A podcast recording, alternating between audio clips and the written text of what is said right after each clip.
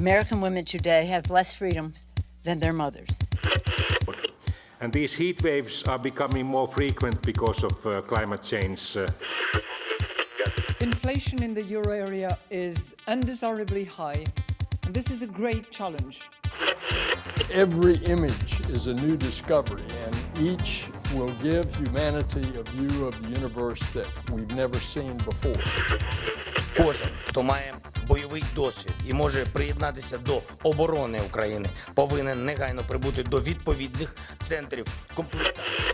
We have had wars with Russia, and we don't want that kind of future for ourselves, for our children. Hasta la vista, baby!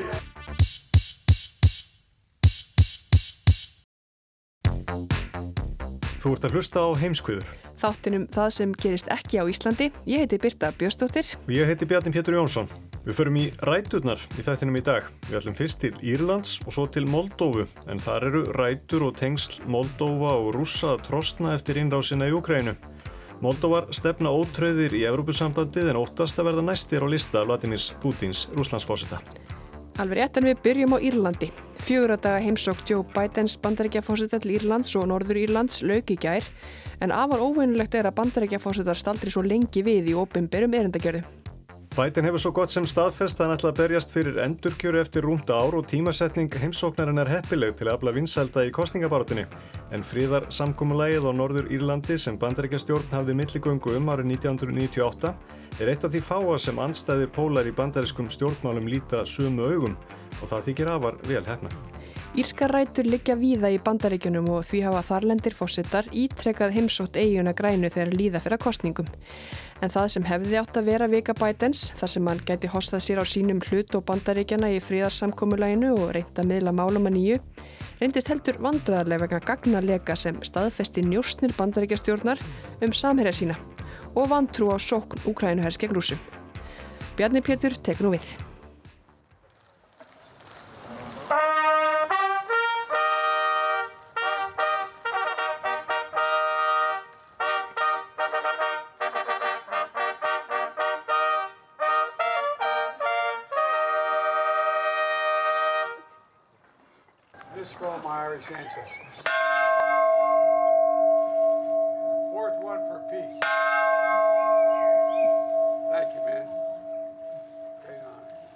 Hér undir Ómar Fríðar Bjallan sem sett var upp 2008 þegar tíu ár voru frá Fríðar samkomiðlægin og Norður Írlandi sem kent er við förstu daginn langa. Bæten ringdi Bjöllunni fyrst fyrir írska forfeður sína og síðan fyrir Fríði.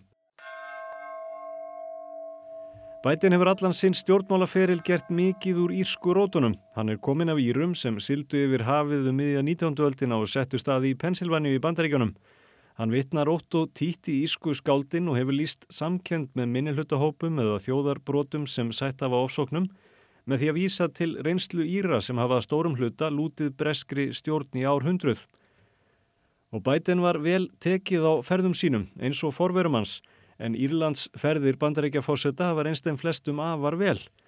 John F. Kennedy fór fyrstur sitjandi bandaríkja fósetta til Írlands en það var fyrir sléttum 60 árum í júni 1963.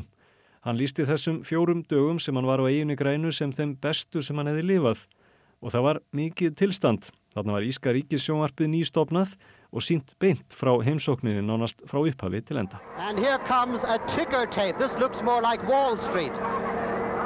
This is something so typical of presidential parades in the United States. I'm uh, glad to be here. It took 115 years to make this trip. And 6,000 miles. And three generations. Kennedy átti ískar rætur bæði móður og föðurætt en forföður hans fluttu til bandarækjana um miðja 19. öldina. Þetta var 1963 en síðan hafa Írlands ferðir verið á dasgra á flestra bandarækjafósetta og kannski ekki að undra því Írar höfðu lengi mikil áhrif í bandarísku þjóðlifi. Í dag eiga um 30 miljónir bandarækjamanna einhvers konar rætur á Írlandi sem er hátt í 10% þjóðarinnar.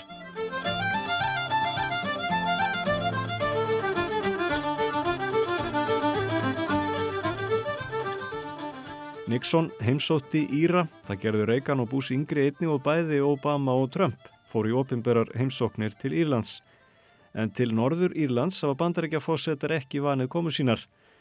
Stóran hluta 20. aldarinnar stóðu þar blóðug átök sem hörnuðu mjög eftir blóðug á sunnudagi 1972 þegar á annan tug letu lífið í kröfugöngu í borginni Dörri. Þá skutu hermenn á göngu fólk sem krafðist aukina réttinda og það varð upphafið að óöldinni, The Troubles. Átökin áttu eftir að kosta mörg hundruð manns líf áður en fríðar samkúmulega var loks undirritað árið 1998.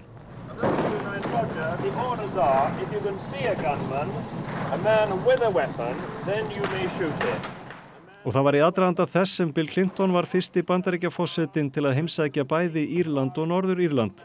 Það var haustið 1995. Þá fór Clinton gegn langri venju bandaríkjastjórnar að skipta sér ekki af innaríkismálum á Breitlandi og hafði milligöngu um fríðarsamkomulag. Það þykir eitt skýrasta dæmi þess sem kænska í utaríkismálum og samningavirðum getur skilað og ávinningi fyrir alla sem að því komu. Biden hefur líst samkomuleginu sem rósi í sitt nappagat en hann kvatti til þess að bandaríkjastjórn beitti sér fyrir friði bæði á nýjunda og tíunda áratögnum. Ráðferra Íra, þakkað honum fyrir sína þá og nú. So thank you for putting yourself on the line for Ireland on so many occasions throughout your career. Thank you for continuing to do so as President. By looking always to the future, you've helped us move on beyond the past and build something better. You have made an enormous difference, and on behalf of all of us here, we thank you from the bottom of our hearts. Og Biden var afar vel tekið á Írlandi í vikunni, bæði þegar hann heimsótti heimasveitir forfeðrana og í þinginu í diblinni. En þegar hann var á Norður Írlandi hétt hann auknum stuðningi við annars almennt blómlegt efnaðarslif. En viðskipti og áhrif Brexit hafa einmitt verið helsta þrætueplið á Norður Írlandi síðustu mánuði. Deilur um breskar vörur sem kæmu til Norður Írlands bærið að tollskoða, urð til þess að Pól Gevin leiðtói líðræðisflokksins að af sér í byrjun februar og stjórnin í Stormont hefur verið óstarfhæf síðan. Eitt af grundvallar atriðum fríðar samkommulagsins frá 1998 var að sambandsinnar og líðveldisinnar deildu með sér völdum og flokkarnir kemur sér saman um að mynda stjórn. Með þessu mótir er tryggt að heimastjórn heldi um stjórnatöymana. Það hefur haldist að mestu þar til nú Því síðustu mánuði hefur líðræðislegi sambandsflokkurinn, stæsti flokkur sambandsinna, neitað að setjast í stjórn vegna óanægu með framkvæmt brexit samkommulagsins. Bæten kvatti stjórnmála leðtóana til að ná samkommulagi því bandarískir fjárfestar byðu eftir tækifærinu til að koma stað. En til þess þyrti bæði frið og stöðuleika sem er það varvita. There are literally hundreds of American corporations ready to come and invest. Invest, but they're cautious because their institutions are not in place. We must never forget that peace, even as has become and lived reality for an entire generation of young people, peace is precious. It still needs its champions. It still needs to be nurtured. Political violence must never again be allowed to take hold in this island.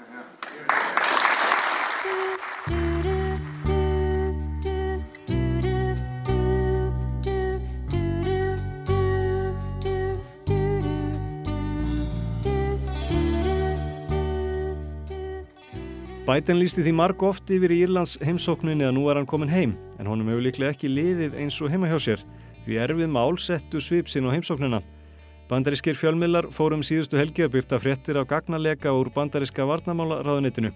Skjölum hafi verið lekið á samfélagsmiðla og spjallsvæðið á netinu og lekin talinn eitt sá alvarlegast í um áratug eða allt síðan Edvard Snowden varpaði ljósi á umfásmikla njóstna starfsemi þjóðar öryggistofnunar bandaríkjan árið 2013 og það má segja að lekin nú hverfist einmitt um njóstnir um samherja bandaríkjana. Bætin gerði hvaðan gatt til að svara fréttamönnum í deiblinni og reynda að gera lítið úr áhrifum lekans sem enn hegi eftir að koma í ljósað fullum og afleðingarnar gætu orðið alvarlegar. I'm not concerned about the leakages, and I'm concerned that it happened. But there's nothing contemporaneous that I'm aware of that is. Are you concerned about relationship with allies? Og það er þessi síðasta spurning fréttamanna í diblinni sem Biden svaraði ekki, hefur það áhyggjur af sambandinu við vina þjóðir. En hún er líklega svo mikilvægasta núna, því skjölinn sína að bandaríkjaman hafa njóstnað um njóstnastofnanir annara ríkja og hlerað samtöl leiðtoga aðstu stofnana. Þar á meðal er Antonio Guterres framkvæmtastjóri saminuð þjóðana, en í skjölunum koma fram efnisatriði enga samtals hans við varamann sinn Það sem hann ræðir um kornútflutning frá Úkrænu og bandaríkjamönnum þykir hann of hliðhóllur rúsum. Þar eru líka gögn innan úr Mossad, Ísraelsku leinithjónustunni og enn önnur tengt stríðinu í Úkrænu. Þar koma meðal annars fram áhyggjur bandarækjamanna af þeirri stefnu sem stríðu hefur tekið síðustu mánuði og burði Úkrænuhers til að takast á við innrásar herin og hvað þá sækja fram gegn rúsum næri výlínunni í austurhlutu Úkrænu. Þar segir einnig að samninga eða friðarviðræður hafi litlu skilað og eigi líklega ekki eftir að reynast árangusríkar á árunni 2023. Markir óttast að frekari upplýsingar í þessa veru eigi eftir að koma fram, jápilum áallanir Úkrænuhers í sókn gegn rúsum með sumrinu. En það er ljóst að tjónið er mikið, sérlega í samskiptum við nánar vinaþjóðir, eins og til dæmis Úkrænu, Bretland, Kanada, Suður Kóri og Ísrael. Þar er ennverð að meta það tjón sem þegar hafi hlotist af legunum og áhrifin sem frekari upplýsingar gætu haft á samband ríkjana.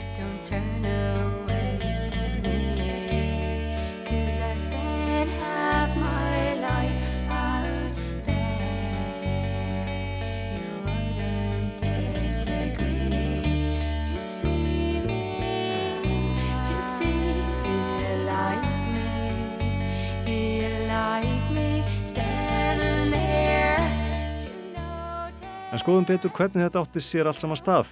Talið er að fyrstu skjölunum hafi verið dreift á netinu fyrir nokkrum árum en flestum þeirra síðustu mánuði. Þá gerðu fáið sér grein fyrir því hvað þetta væri, hvort þau væri ósveikin og hversu þýðingamikið innihaldi væri. Sá sem lag skjölunum heitir Jack Texera, er 21 ás og vann í njóstna teimi þjóðvarliðsins bandaríska í Massachusetts. Hann var handekinn á 50. skvöld og heimili sínu í Dayton í Massachusetts en talið er að hann hafi komið mörg hundruð skjölum í dreifingu og því sé þetta aðeins upphafðuða því sem gætu orði margra vikna ferli. Bláðamenn Washington Post hafa leitt þessa umfjöllun Vestanhafs. Þeir töluðu vina hans sem veitti viðtal gegn því að nafn hans kæmi hvergi fram. En hann segir mikið af upplýsingum ennig eftir að koma fram í dagsljósið. There's talks of foreign intelligence agencies, who's supplying what in what wars, who's funding certain things. There's talks of nuclear weaponry. I mean, that's hardly touching the iceberg. There's just stuff that if your tax dollars are funding these atrocities, then you should be able to know about it. Vinnurinn segir þetta eins toppin á ísjaganum og bandarískir skattgreðendur eigi rétt á að vita í hvað skattgreðslur þeirra fara því þeir séu að fjármagna þessi ílvirki. Hann bætir því við að Texeira hafi ekki endilega haft neitt sérstakt í huga þegar hann deildi gögnunum með vinum sínum á spjallsvæði tengdu tölvuleikju. Small, I'm talking 20 or less people over the course of four years. Fyrstu skjölunum hefði verið dreift til fámenns hóps fyrst fyrir fjórum árum en vinir Texeira hafi fæstir trúaðunum og ekki gert sér grein fyrir umfanginu fyrir lungu síðar. En hann segist óttast um öryggisitt. We didn't realize the sheer just immense nature of these leaks until um, a bit later. I worry that someone is going to arrest me, but I'm also worried of my treatment once I'm in detention. Segir að hafi gert þetta til að stæra sig á því sem hann vissi af og hefði undir höndum en ekki til að mótmala þeim aðferðum sem beitt var.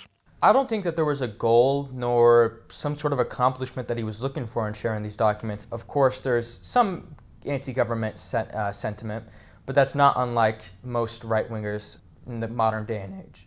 Jack Taxera er aðeins 21 ás og margir furða sig á því hvernig hann hafði aðganga að þessum gögnum.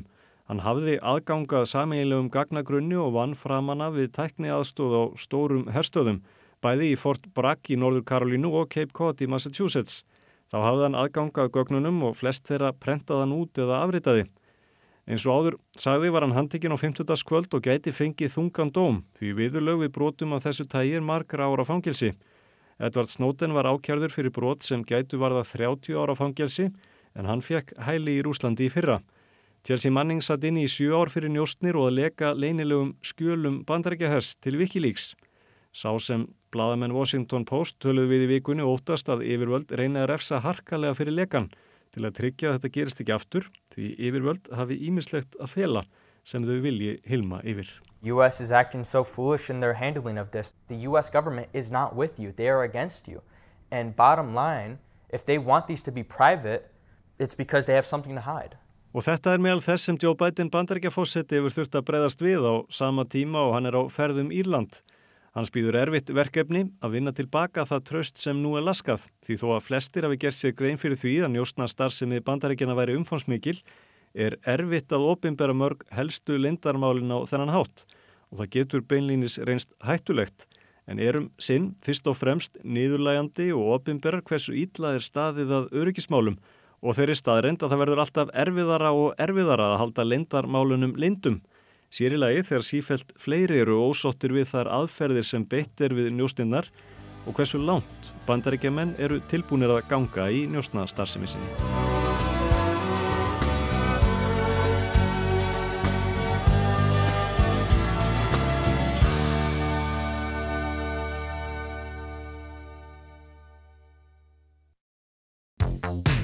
Sem stendur er Moldova og Berangri. Rússar vilja halda landinu á sínu áhrifasvæði en stjórnvöldi í Moldófu stefna óhyggað því að verða eitt af aðeldaríkjum Evrópusambandsins. Þá er Moldófa það ríki utan Úkrænu sem hefur fundið hvað mest fyrir afleiðingum innrása rúsa. Eins óttast stjórnvöldi í Moldófu að vera næst á lista Pútins rúslandsfósetta og segja rúsa með ymsum ráðum reynað seilast þar til áhrifa. Dagni Hulda Erlendsdóttir tekur nú við. Moldova se află în prezent într-un moment de răspântie. Ce se va întâmpla cu țara noastră? Þarna heyrum við í Mæjú Sandu, forsetta Moldófu, ávarpa landsmenn sína í vikunni. Hún saði Moldófu á krossgötum. Það var í höndum fólksins hverðum landið og bringtaði að leti sér heyra og stæði saman. Hún kvatti fólk til að koma saman á þingtorkinni í höfuborginni Chisinau 21. mæ. Vin cu un îndemn către toți oameni care lucrează pământul. Ég kalla ykkur öll til, bændur, kennara, nefendur, frjálsfélagasamtök, frumkvöðla, lækna, menningarvita, starfsmenn engafyrirtækja, ríkisfyrirtækja, að koma saman og styðja sameinlegan draum okkar.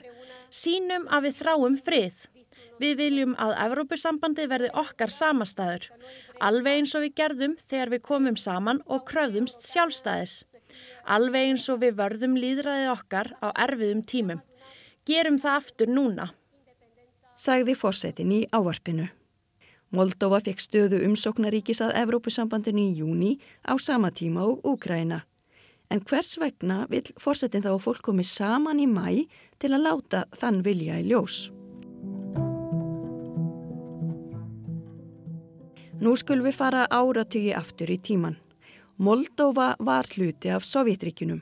Þegar þau liðust í sundur 1991 höfðu íbúar á landsvæði í Moldovu, sem er kallað Transnistria, líst yfir sjálfstæði. Þar býrum hálf miljón og flestir tala rúsnesku. Þegar Moldova hlaut sjálfstæði sendu rússar þar sem þeir kalla fríðargæsluliða til Transnistriu og þar eru þeir enn yfir þúsund talsins ólöglega segja stjórnvöld í Moldovu og vilja þá burt. Átök brutust út 1992 sem tósta stöðva en síðan hafa íbúatnir verið í nokkur skonar limbói og Transnistria er ekki viðurkend af alþjóðasamfélaginu heldur telst svæðið hluti af Moldófu. Leiðtogar hliðhólli stjórnvöldum í Moskvu hafa verið við völd og framfærir eftir hrun Sovjetríkjana voru ekki eins örar og fólk af því vonað. Til dæmis var Ígor Dodon forseti frá 2016 til 2020 Hann er leiðtói sósialistaflokksins, starsta stjórnarandstöðuflokksins og hlýðvöldur rúsum. Það hefur verið tekist hart á um það hvort landið að halla sér á Rúslandi eða Evrópusambandinu. Spilling jógst á fyrsta áratögnum eftir hrun Sovjetríkjana og elitan vildi fá sem mest í sinn hlut. Það var engavæðing í enga þáu ráðamanna og mútur tíðkuðust í stjórnsíslunni. Hjá almenningi hefur ríkt atvinnuleysi og vonleysi og alveg síðan Sovjetrikin liðust í sundur hefur þriðjungur landsmanna hefð minsta flutt úr landi. Moldova er landlugt ríki og á landamæriða Úgrænu og Rúmeníu. Í landinu búar umar 2,6 miljónir.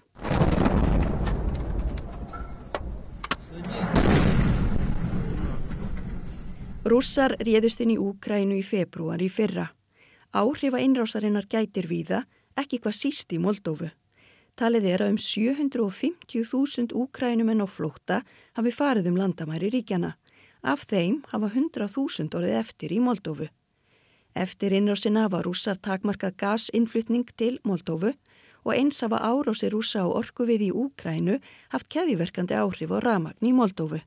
En þá er ekki allt upptalið því stjórnvöldi í Moldófu óttast að landið sé á listaðira ríkja sem stjórnvöldi í Rúslandi vilja með góðu eða illu halda á sínu áhrifasvæði. Núvenandi ríkistjórn er einörði sinni afstöðum að tilheyra Evrópu og er með 63 sæti af 101 á þinginu. Stjórnvöld óttast að rúsa reyni á skipulegan hátt að kynnta undir pólitískum óróa í landinu og ætli að koma leittógum liðhóllum Kreml í valdastólana.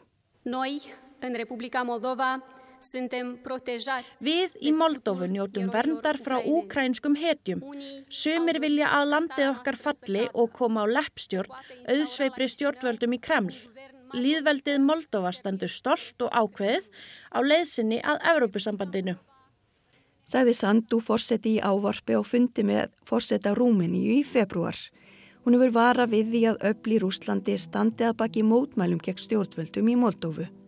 Fyrir vetur sakaði vartanmálaráðunetti Rúslands Moldófa um að vera skipulegja árás á Transnistriu. Og Volodymyr Selenski fórseti Úkrænu greindi frá því að leini þjónustu Úkrænu hefði tekist að komi veg fyrir áallanir rúsa um að veikja stjórnvöld í Moldófu. Það fórum suma enda þykja varnar orðin ekki ólík orðum úkrænumanna áður en rússar innlimuðu krím 2014 og réðist í allserjar innrás í Úkrænu í fyrra. Meðal þeirra raka sem rússar hafa gripið til við réttlæting og innrásin í Úkrænu er að hafa verið að vernda ofsókta rússa í Donbass. Óttast er að þeir beiti sömu rökum í Transnistriu. Þá fullirti rúsneska varnarmálaráðunetti fyrir í vetur að úkrænskir skemdarverkamenn hefðu ætlað að ráðast inn í Transnistriu, dulbúnir sem rúsneskir hermenn og þannig ætlað að undirbúa innrás Úkrænu í Moldófu. Það eru fjóri flokkar á moldófska þinginu. Stærstur er flokkur Majusandu fórsetta með hægri flokkurinn PAS. Í stjórnar andstöðu eru flokkar hlýðhóllir rúsum. Þar á meðal sósjalistaflokkurinn sem Dóton fyrir um fórseti leiðir og Sórflokkurinn sem Ílan Sór leiðir. Hann leið dóm fyrir fjársvik 2017 eftir að hafa stungið undan yfir einu miljardi dollara frá þremur böngum. Hann hefur verið uppnefndur þjófur Moldófu. Hann þykir ekki beint að hafa lengt stuðningi sínum við rúsa og í september fór þingflokkurinn saman til Moskvu og eitti formann auðaríkismála nefndar dúmunar Leonid Slutski. Það fór vel á með þeim og lísti slútskið þeim sem tröstum félögum. Sór og félagar í sórfloknum blésu til mótmæla í februar þar sem þúsundir komið saman og kröðust afsagna Sandu fórseta.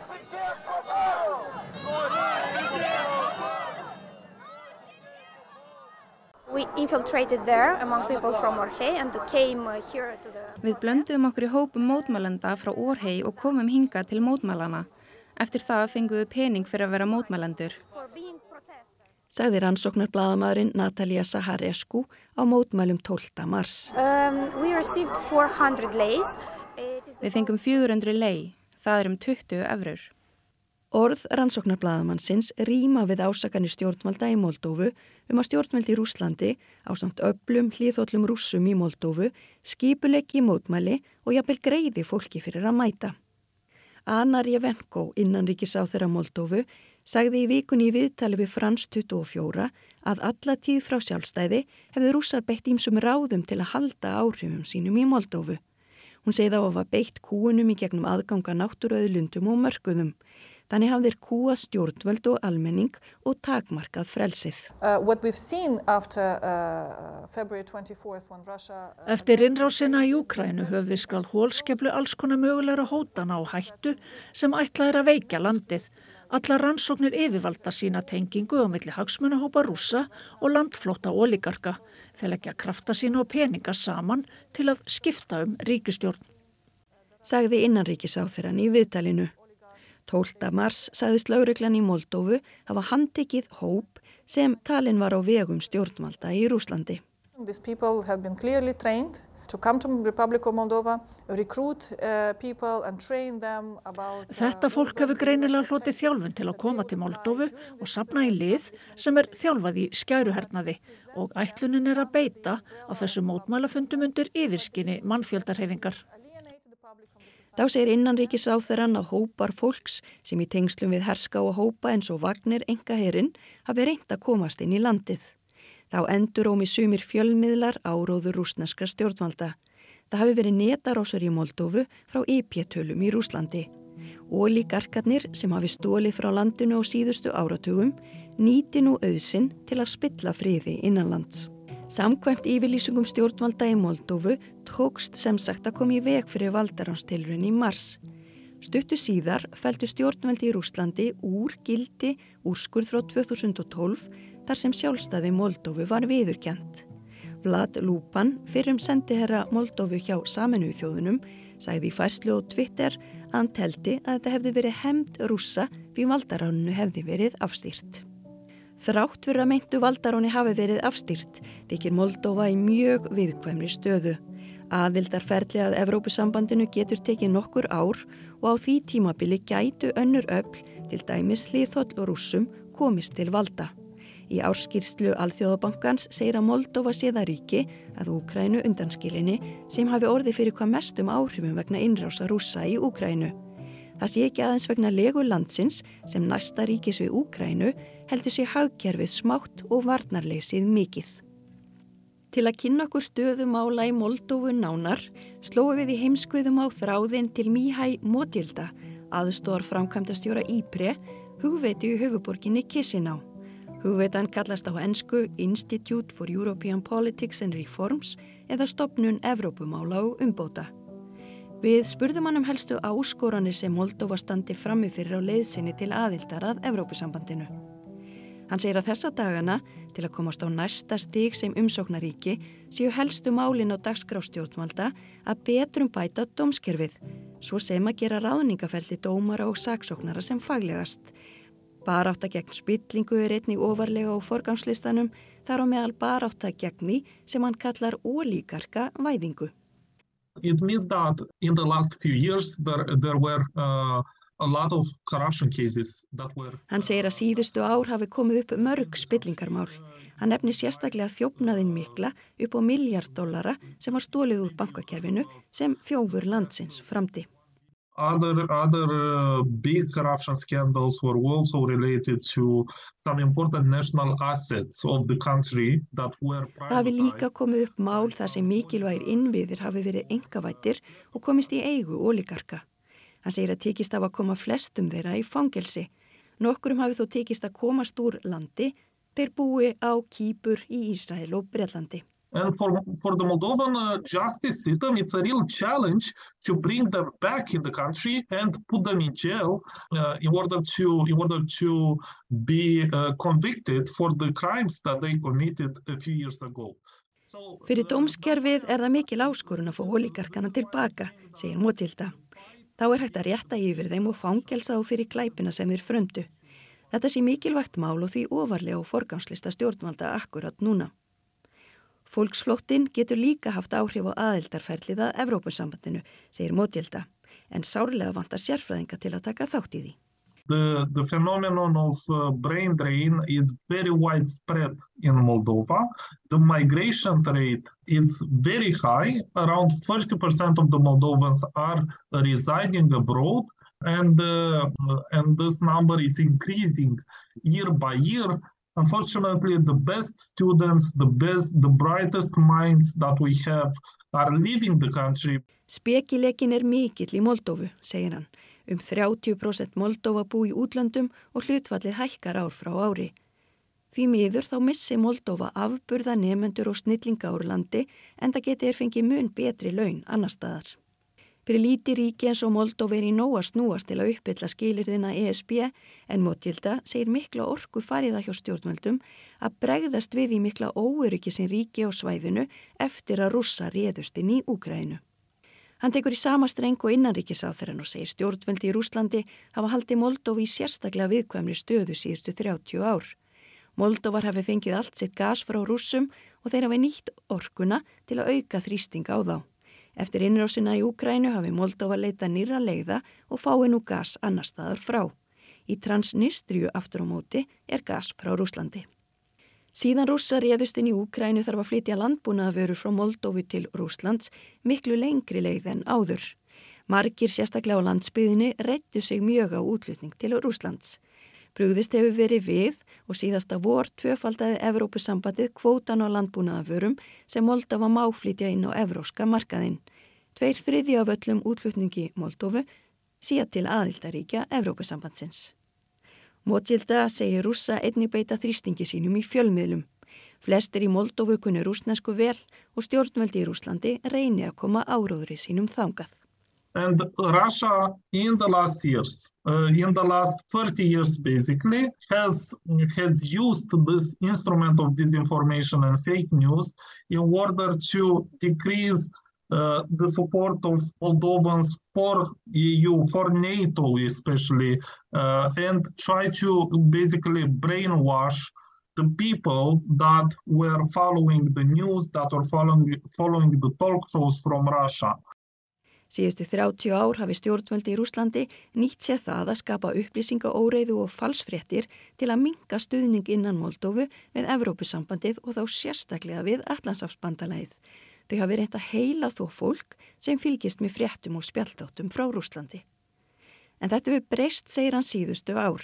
Í gegnum tíðina hafi stjórnvöldi í Moldófu verið hálf mátlus gegn þrýstingi í Rúslands en að nýlega hafi fréttir og spjaltættir frá Rúslandi að einhverju leiti verið bannaðir og leifi rúsneska sjónvarpstöðva verið felt úr gildi. Hann segir það sama gilda um viðbröð við orkukúun og viðskiptum. Right now there is a wider perception in the country that the European integration path is the only rational path that Moldova could follow in order to modernize its uh, society, its economy, but also to achieve the, the, the, that kind of level of well-being and uh, security that the European countries have. Hann telur það útbreytt viðþorf að aðild að Evrópusambandinu sé eina rétta leiðin fyrir Moldófu til að færa samfélagið og efnahægin til nútímans en líka til að auðlast á hagsæld og öryggi sem þekkist í Evrópuríkjum. Sangvæmt nýlugum könnunum eru um 53% Moldófa hlind ingöngu í Evrópusambandið. Mótsilda hveðst og fullvisum og hlutfallið sé herra og að þessi útbreytt viðþorf að það að hafa stuðningin frá Evrópu og öryggi sé mikilvægt á floknum tímum. Það er því ljóst að Moldófa býður vandasamt verkefni að feta stígin í átta Evrópusambandinu ánþess þó að styggja rúsneska björnin um of. Og þá er ekki fleira í heimskviðum þessa vikuna. Við verðum hér aftur á sama tíma í næstu viku. Takk fyrir að hlusta.